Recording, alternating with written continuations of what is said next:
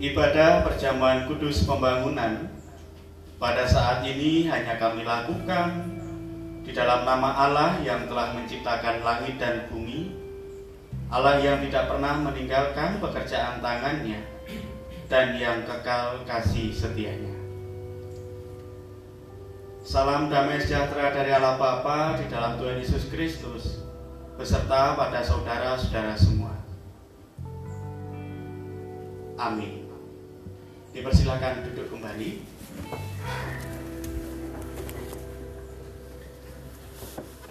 Bapak Ibu dan Saudara, kita patut bersyukur bahwasanya pagi hari ini Tuhan telah kembali memanggil kita untuk kita dapat bersama bersekutu di tempat yang kudus rumah Tuhan di tempat ini. Saudara-saudaraku yang terkasih,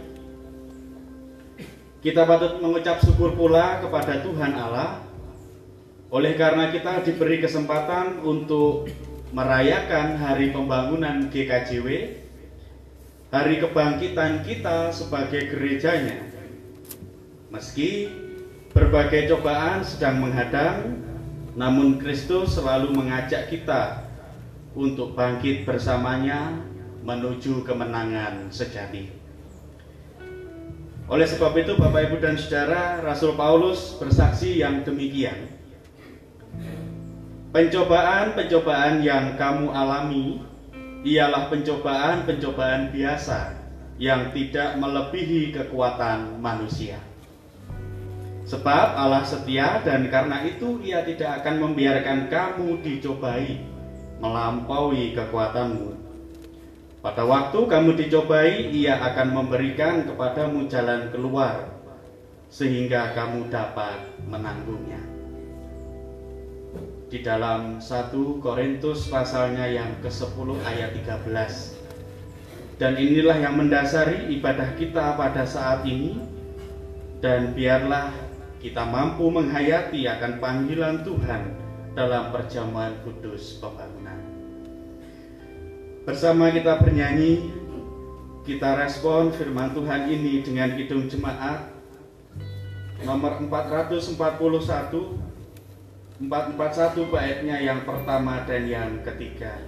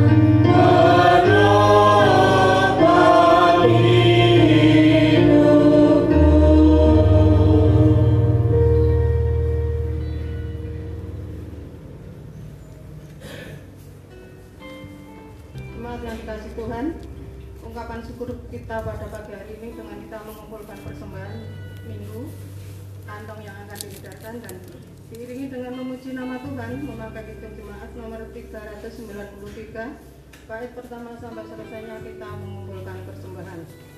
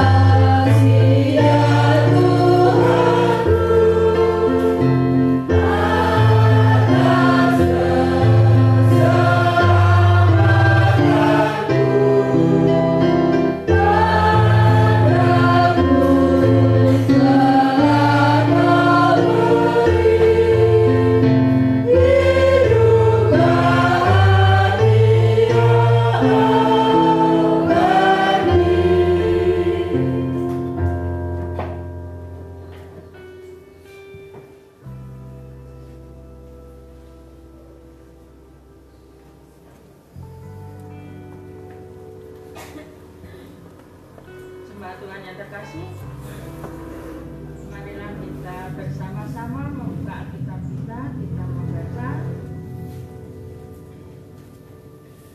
dari Injil Matius bab 14 ayat 13 sampai 21. Sebelum kita membaca, mari kita bersama-sama satu hati dalam doa mohon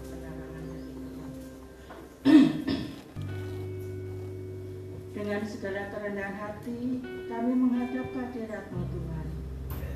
Kami mempersiapkan tubuh dan jiwa kami untuk menerima firman-Mu yang kudus. Karena firman-Mu kudus, kami mohon kuduskanlah hati kami, supaya firman-Mu yang kami terima sungguh berguna bagi kehidupan iman kami. Begitu juga pada pagi ini kami akan menerima perjamuan kudusmu. Kiranya melalui segala persiapan yang telah kami lakukan. Layakkanlah kami menghadap ke meja perjamuan kudusmu. Kiranya dengan perjamuan kudus, pembangunan yang kami terima pada pagi ini, iman kami tetap terpelihara sampai Tuhan datang kembali. Hambamu Bapak Pendeta Demi yang akan menyampaikan firman dan perjamuan kudusmu pembangunan pada pagi ini. Kiranya roh Tuhan turun atas beliau, sehingga hambamu boleh menjalankan tugasnya sesuai kehendak Tuhan dan hanya nama Tuhanlah yang dipermuliakan. Bersabdalah Tuhan, kami siap mendengarkan. Hanya dalam nama Tuhan Yesus kami berdoa. Amin. Firman Tuhan bagi kita hari ini dari Injil Matius pasal 14 ayat 13 sampai 21. Lembaga Alkitab Indonesia memberikan judul Yesus memberi makan 5000 orang. Setelah Yesus mendengar berita itu, menyingkirlah ia dari situ dan hendak mengasingkan diri dengan perahu ke tempat yang sunyi. Tetapi orang banyak mendengarnya dan mengikuti dia dengan mengambil jalan darat dari kota-kota mereka. Ketika Yesus mendarat, ia melihat orang banyak yang besar jumlahnya. Maka tergeraklah hatinya oleh belas kasihan kepada mereka dan ia menyembuhkan mereka yang sakit. Menjelang malam, murid-muridnya datang kepadanya dan berkata, Tempat ini sunyi dan hari sudah mulai malam. Suruhlah orang banyak itu pergi supaya mereka dapat memberi makan di desa-desa. Tetapi Yesus berkata kepada mereka, tidak perlu mereka pergi. Kamu harus memberi mereka makan. Jawab mereka, yang ada pada kami di sini hanya lima roti dan dua ikan. Yesus berkata, Bawalah kemari kepadaku. Lalu disuruhnya orang banyak itu duduk di rumput. Dan setelah diambilnya lima roti dan dua ikan itu, Yesus menengadah ke langit dan mengucap berkat.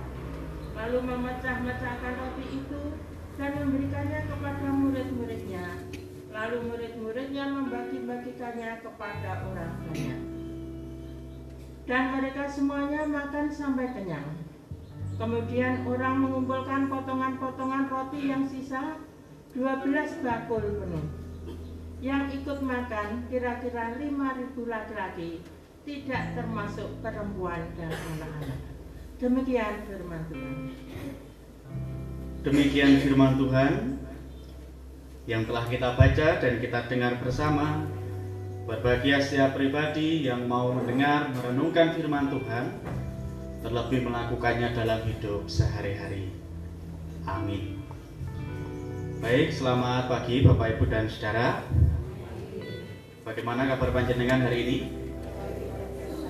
Baik, luar biasa. Masih ada sukacita? Amin. Ya Bapak Ibu dan Saudara, kita bersama bersyukur Jikalau Tuhan saya secara pribadi merasakan sangat menyertai dan memberkati kita. Khususnya di pembang di dalam saat ini di dalam kita akan bersama menerima perjamuan kudus pembangunan. Kita dapat melakukannya bersama-sama dalam bentuk peribadahan di gereja. Karena masih banyak jemaat-jemaat juga khususnya dalam lingkup GKJW pada saat ini itu belum dapat beribadah bersama masih melakukan ibadah dan perjamuan di rumah masing-masing. Nah, syukur kepada Tuhan untuk berkat ini Bapak Ibu dan Saudara dan tentu ini bukan karena kekuatan kita sebagai manusia tetapi hanya karena Tuhan yang berkehendak atas diri kita. Oke, Bapak Ibu dan Saudara yang dikasih oleh Tuhan, perjamuan kudus pembangunan sebagaimana yang telah kita hayati saat ini. Di dalam persiapan yang lalu saya menyampaikan bahwa inti kenapa kok ada perjamuan kudus pembangunan itu bertujuan untuk mengutamakan atau mengedepankan persatuan dan kesatuan dalam lingkup GKJW. Sehingga inilah saat kita nguri-nguri akan sesanti atau mungkin panjenengan juga sering mendengar istilah patung gilan Kang Nyawiji. Dan inilah momen di mana kita akhirnya menjadi patung gilan, patung gilan yang lalu Nyawiji menjadi satu wadah di dalam diri GKJ. Nah untuk itu Bapak Ibu dan Saudara dengan tujuan tersebut menjaga kesatuan dan persatuan tubuh Kristus dalam lingkup GKJW kita akan merenungkan firman Tuhan dari Matius pasal yang ke-14 ayat yang ke-13 sampai dengan 21 Cerita ini adalah cerita yang sering kali kita dengarkan mungkin panjenengan malah lebih hafal. Sejak anak-anak cerita ini menjadi cerita yang sangat populer, lima roti dan dua ikan. Lima roti, dua ikan yang mampu memberikan atau mampu dinikmati oleh lebih dari lima ribu laki-laki. Bapak Ibu dan Saudara yang dikasih oleh Tuhan, untuk itu saya ingin mengajak panjenengan untuk merenungkan firman ini. Ada tiga hal tiga hal yang dapat kita renungkan. Saya ingin mengajak panjenengan melihat dari sisi yang berbeda dari biasanya yang kita renungkan. Yang pertama adalah bahwa Yesus menganggap melalui bacaan ini Yesus menganggap para muridnya itu sebagai mitra. Mitra itu kalau dalam bahasa sederhananya nopo? Rekan, rekan atau kawan yang lebih dari hubungannya itu lebih dari teman gitu, atau hubungannya memiliki hubungan pekerjaan yang menjadi mitra. Nah para murid dalam bacaan kita saat ini dianggap oleh Tuhan Yesus sebagai mitra. Kenapa itu bisa terjadi? Yang menarik untuk kita renungkan adalah para murid Tuhan Yesus itu kan bukan orang-orang yang kaya nih Bapak Ibu dan Saudara. Mereka bukan orang-orang yang nyuwun sewu memiliki pendidikan yang tinggi. Mereka hanya nelayan. Mereka adalah orang yang berdosa pemungut cukai. Tetapi mereka ini tidak berangkat dari kelebihan hidup, mereka berangkat dari kekurangan diri dan keterbatasan diri. Tetapi Tuhan Yesus memakai mereka menjadi mitra kerja Tuhan. Nah ini yang menarik untuk kita renungkan. Bahwa untuk dipanggil bekerja di ladang Tuhan itu bisa berangkat dari kekurangan yang kita miliki. Termasuk dalam bacaan kita saat ini. Tentu ini ada sebuah mujizat ketika 5000 orang ya kalau kita membuat jumlah secara sederhana 5000 itu kan hanya laki-laki kalau laki-laki punya istri satu punya anak satu berarti 5000 kali 3 berarti berapa? 15.000 orang. Memberi makan 15.000 orang itu hanya dengan 5 roti dan 2 ikan. Melalui kekurangan para murid bukan kelebihan.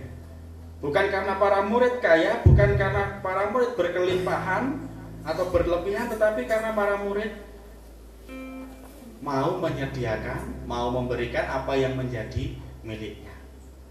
Nah, sehingga para murid dipanggil menjadi seorang menjadi para mitra Tuhan di dalam pekerjaannya. Itu yang pertama Bapak Ibu dan Saudara bahwa Yesus menganggap para muridnya itu sebagai mitra melalui kekurangannya. Yang kedua adalah kesediaan para murid menjadi agen pembaharu. Nah, ini juga yang menjadi sesuatu hal yang penting. Ada pembaharuan di dalam diri para murid, pembaharuan akal, pembaharuan budi, pembaharuan pemikiran, yang mana pada awalnya mereka berpikir bahwa hidup untuk hidupku sendiri. Aku kerja tangguh mangan dewe. Aku mencari nafkah hanya untuk memenuhi kebutuhan hidupku sendiri Tetapi pada akhirnya orientasi ini berubah menjadi orientasi yang memikirkan banyak orang. Sehingga yang awalnya hanya memikirkan butuh EDW, cukup EDW, kenyangnya sendiri, pada akhirnya mereka mampu berpikir bagaimana 5000 lebih orang itu juga dapat makan. 5000 lebih orang itu juga dapat merasakan berkat Tuhan. Nah, ini sesuatu hal yang sungguh luar biasa kalau bisa terjadi di dalam hidup kita. Tidak lagi berorientasi pada diri sendiri tetapi mampu berorientasi kepada kepentingan bersama. Nah inilah Bapak Ibu dan Saudara semangat dari pembangunan GKJW. Maka patung bidang Kang Nyawiji yang diajarkan yang juga menjadi sesanti kita tidak lagi jemaat-jemaat itu nguripi jemaat EDW mencukupkan kebutuhan jemaatnya sendiri tetapi bagaimana setiap jemaat ini dapat saling menopang yang berlebihan menopang yang berkekurangan demikian juga yang berkekurangan juga dapat menjadi berkat dengan sarana yang ada di dalam dirinya. Dan ini sungguh nyata terjadi dalam diri para murid Tuhan Yesus. Lima roti dan dua ikan itu bukan hal yang berlebih Bapak Ibu dan Saudara. Itu pun kalau dimakan oleh 12 murid Tuhan Yesus itu jajannya nggih kira. Lima roti, dua ikan berapa cuil atau dapat namanya. Nah ikannya nyamong dua menika menawi nek bahasane namun damel amis-amisan mau. Kersane mboten tawar. Tetapi karena kesediaan diri maka hal yang berkekurangan itu menjadi berkat bagi banyak orang. Nah itu Bapak Ibu dan Saudara dikasih Tuhan hal-hal yang dapat kita renungkan pada saat ini.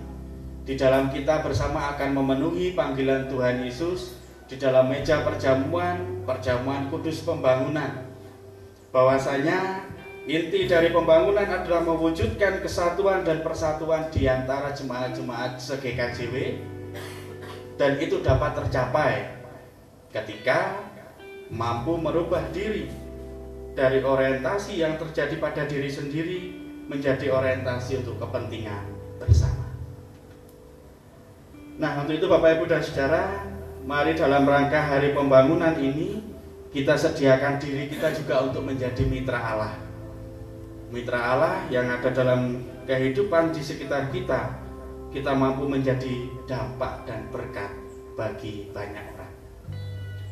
Selamat menjadi mitra Allah di dunia, selamat menerima perjamuan Tuhan, bahwa inilah tubuh dan darah Kristus yang terpecah, yang bertujuan untuk menyatukan kita dalam tubuh Kristus. Selamat menghampiri meja perjamuan Tuhan, Tuhan memberkati. Amin. Mari kita mengambil saat teduh dan kita berdoa.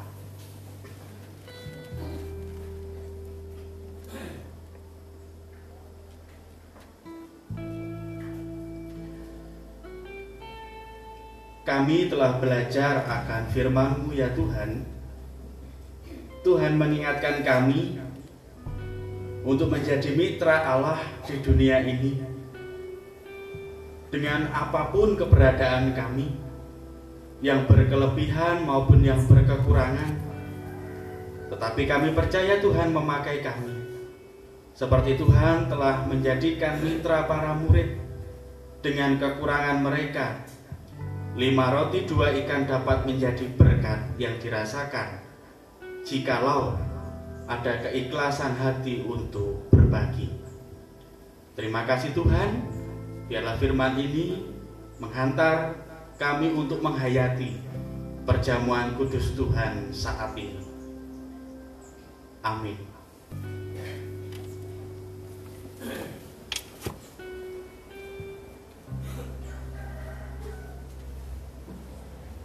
Jemaat kami mohon untuk berdiri. Mari kita bersama-sama mengucapkan pengakuan iman rasuli. Aku percaya kepada Allah Bapa yang Maha Kuasa, Paling langit dan bumi, dan kepada Yesus Kristus anaknya yang tunggal Tuhan kita, yang dikandung daripada Roh Kudus, lahir dari anak darah Maria, yang menderita di bawah pemerintahan Pontius Pilatus, disalibkan, mati dan dikuburkan, turun ke dalam kerajaan maut. Pada hari yang ketiga, bangkit pula dari antara orang mati, naik ke surga, duduk di sebelah kanan Allah Bapa yang Maha Kuasa, dan akan datang dari sana untuk menghakimi orang yang hidup dan yang mati. Aku percaya kepada Roh Kudus, gereja yang kudus dan am, persekutuan orang kudus, pengampunan dosa, kebangkitan daging dan hidup yang kekal. Aku silahkan.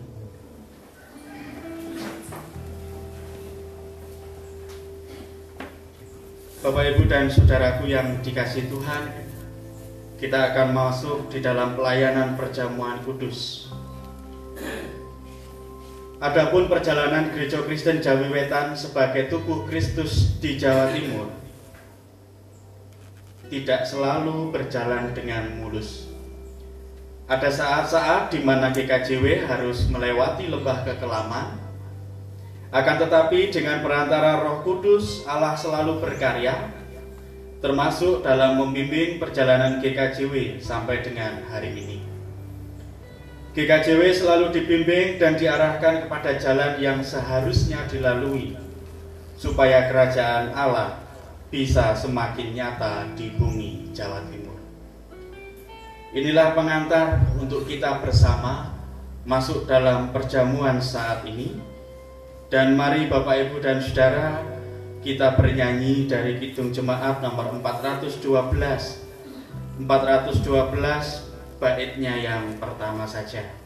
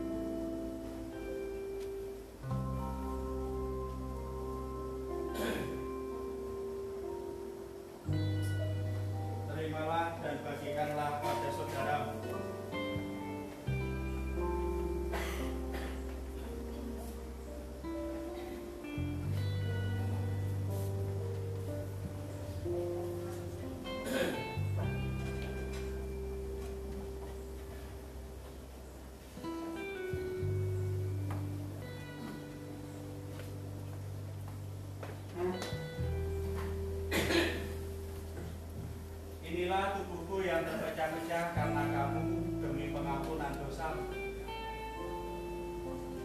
Perbuatlah ini dan jadikanlah ini sebagai peringatan akan kematianku dan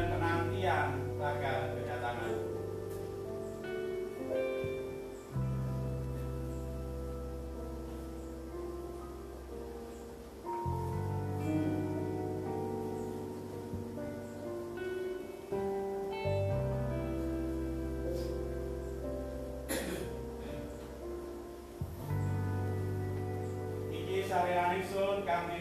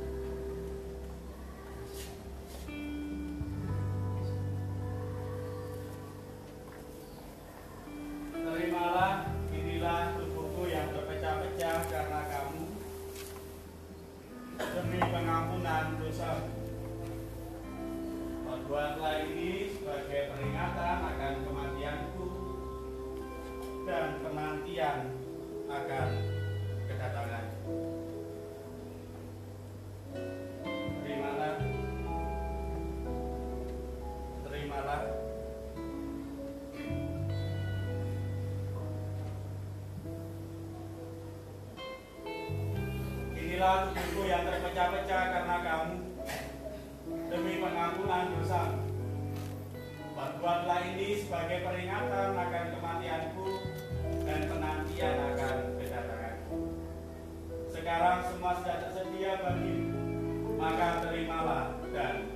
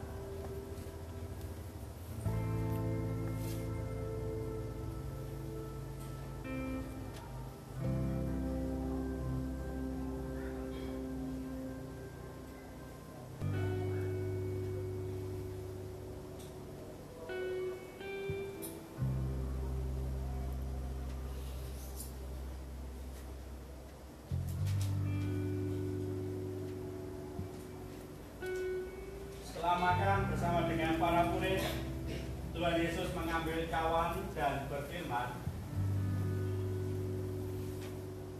Cawan ini adalah perjanjian baru yang dimateraikan oleh darahku demi pengampunan dosamu. Perbuatlah ini sebagai peringatan akan kematianku dan penantian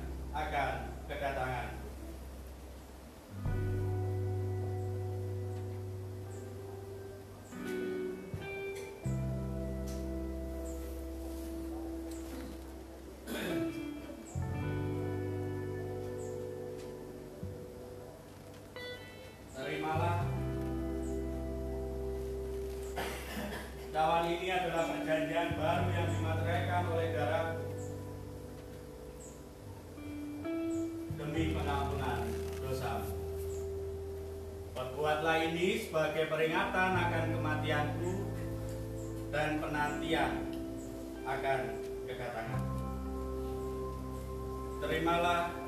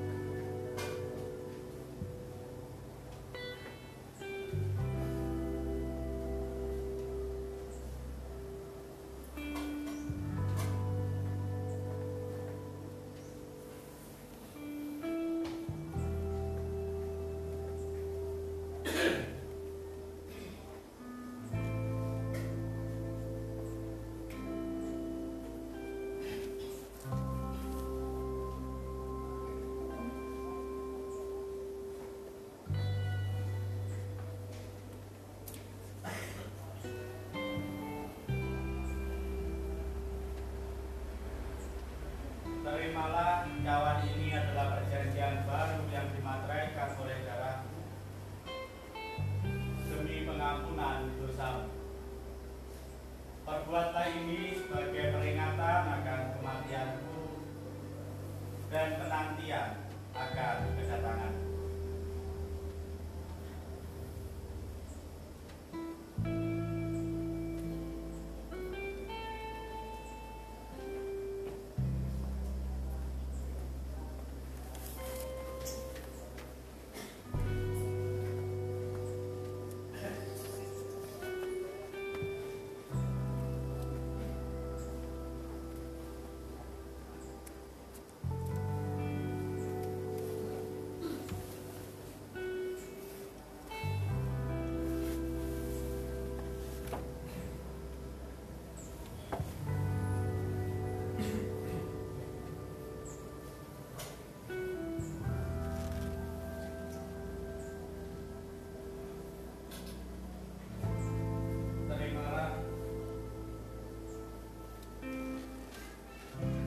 terimalah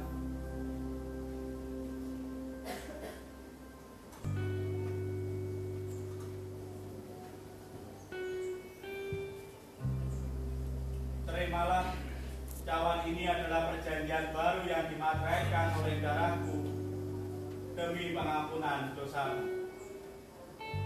Perbuatlah ini sebagai peringatan akan kematianku dan penantian akan terimalah dan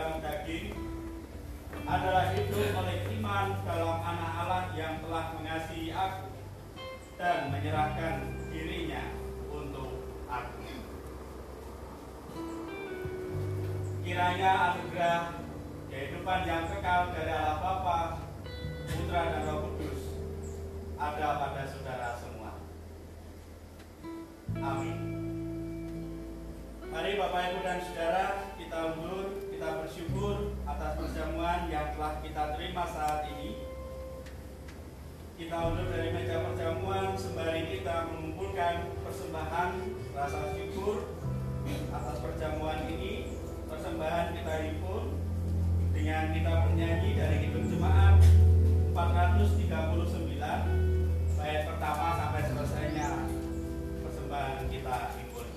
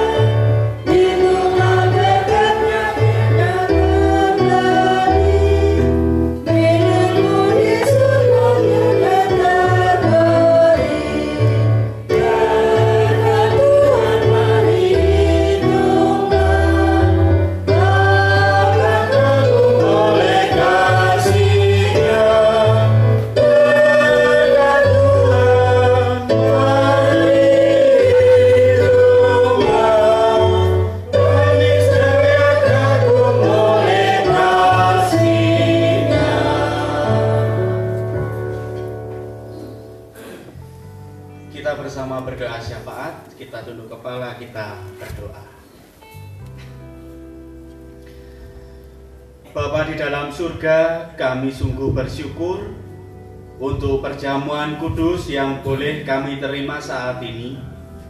Kami bersama telah menerima tubuh dan darah Kristus dalam bentuk roti dan anggur yang telah tersediakan. Kiranya apa yang sudah masuk dalam tubuh kami ini semakin menguatkan iman percaya kami di dalam kami mengikut Engkau di dunia ini. Mampukan kami untuk terus menghayati bahwa hidup pemberian Tuhan sungguh luar biasa, bahwa hidup yang Tuhan percayakan bagi kami sudah seharusnya kami pertanggungjawabkan di hadapan Tuhan. Bapak di dalam surga, saat ini kami bersama bersyafaat. Kami menaikkan doa-doa pribadi dan pengharapan kami. Berdoa ya Bapak untuk jemaatmu di tempat ini. Mengucap syukur untuk kami dapat beribadah bersama-sama bersekutu di rumah ibadahmu ini. Untuk itu kami mohon Tuhan tetap memberkati setiap warga jemaat di mana pun mereka saat ini berada baik yang ada di Indo maupun yang ada di Pepantan Tuhan berkati dengan kekuatan kesehatan jauhkan dari segala sesuatu yang tidak baik dan biarlah hanya rahmat Tuhan yang menuntun setiap pribadi-pribadi ini merasakan sukacita bersama dengan Engkau. Kami menyerahkan dalam doa pula keberadaan anak-anak kami di dalam pendidikan yang mereka tempuh biarlah semua terberkati dan mereka mampu berjuang beradaptasi dengan kenormalan yang baru yang telah kami rasakan. Anak-anak kami dengan masa depan pendidikannya hanya kami percayakan dalam tangan kuasamu. Biar Tuhan yang merancangkan hal-hal yang baik bagi anak-anak kami. Juga kami menyerahkan untuk saudara-saudara kami yang belum dapat bersama-sama dengan kami beribadah. Baik yang sakit maupun yang sudah lanjut usia, baik yang sengaja menjauh dari Tuhan. Biarlah Engkau sendiri yang saat ini memberkati mereka, tetap memberikan sukacita, ketentraman, tetap memberikan roh takut akan Tuhan, sehingga di dalam keadaan apa pun, pergumulan apa pun yang dirasakan, tepat-tepat mengingat Engkau sebagai Sang Juru Selamat di dalam hidup mereka. Kami serahkan seluruh pelayan-pelayan Tuhan, majelis jemaat, para pamong, para pengurus, yang telah menyediakan diri dan terlibat di dalam pelayanan di Jemaat Sumber Gondang. Biarlah Tuhan sendiri yang terus memberikan hikmat sehingga tugas tanggung jawab pelayanan tetap dapat dipenuhi dengan baik sesuai dengan apa yang Tuhan kehendaki. Kami menyerahkan pula saat ini Tuhan keberadaan bangsa negara kami. Sungguh kami mencintai bangsa dan negeri kami ini Tuhan untuk itu kami mohonkan pemulihan daripadamu. Berkati para pemimpin-pemimpin kami di dalam mengambil kebijakan dan di dalam mengambil setiap keputusan. Biarlah semua itu hanya dilakukan hanya untuk kebaikan dan ketentraman hidup kami bersama. Kami tetap berdoa di tengah pandemi yang kami hadapi. Kami menyerahkan setiap pribadi-pribadi yang Tuhan pakai menjadi sarana pemulihan, baik itu yang sekarang menjadi garda terdepan maupun kami warga masyarakat Indonesia. Mampukan kami untuk patuh dan taat pada setiap himbauan yang telah diberikan pemerintah, karena kami percaya Tuhan berkarya menyatakan kasih kepada kami dalam kondisi saat ini melalui pemerintahan kami di Indonesia. Mampukan kami Tuhan untuk tetap berjuang untuk menghadapi segala krisis yang terjadi dengan tetap seturut dengan kehendak Tuhan. Kami sungguh bersyukur Tuhan jikalau saat ini dalam ibadah kami pun dapat pula mengumpulkan persembahan. Wujud syukur kami atas berkat yang telah Tuhan nyatakan. Bila persembahan ini menjadi sarana penunjang akan pelayanan Tuhan di jemaat kami di Sumber Gondang. Berkati setiap pribadi-pribadi yang telah Tuhan percaya untuk mengelola dan menggunakan persembahan biar dapat dikelola dan digunakan dengan baik dengan takut akan Tuhan. Bapak di dalam surga, kami bersama saat ini juga akan mengakhiri ibadah perjamuan kudus kami akan kembali pulang meneruskan hidup pemberian Tuhan meneruskan tugas tanggung jawab kami. Untuk itu kami memohon rahmat Tuhan tetap menyertai dan memberkati kami. Segala kekurangan, pelanggaran dan dosa di dalam kami membangun ibadah saat ini, biarlah Tuhan yang mengampuni dan Tuhan yang menyempurnakan sehingga semuanya benar-benar dapat menjadi berkah bagi iman percaya kami. Inilah ya Tuhan seru doa permohonan kami dan saat ini bersama kami mengakhiri doa syafaat kami dengan doa yang telah Tuhan ajarkan bagi kami.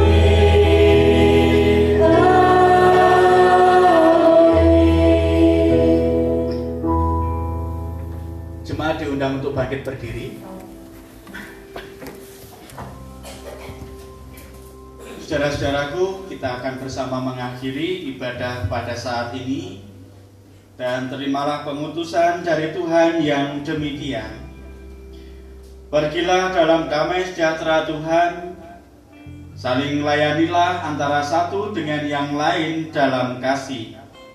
Dan ingatlah selalu firman Tuhan hari ini. Bangkitlah bersama-sama dengan Kristus dan ikutlah menikmati kemenangan bersamanya. Percayalah bahwa Tuhan akan menyertai saudara. Amin. Hitung jemaat 440 baitnya yang pertama.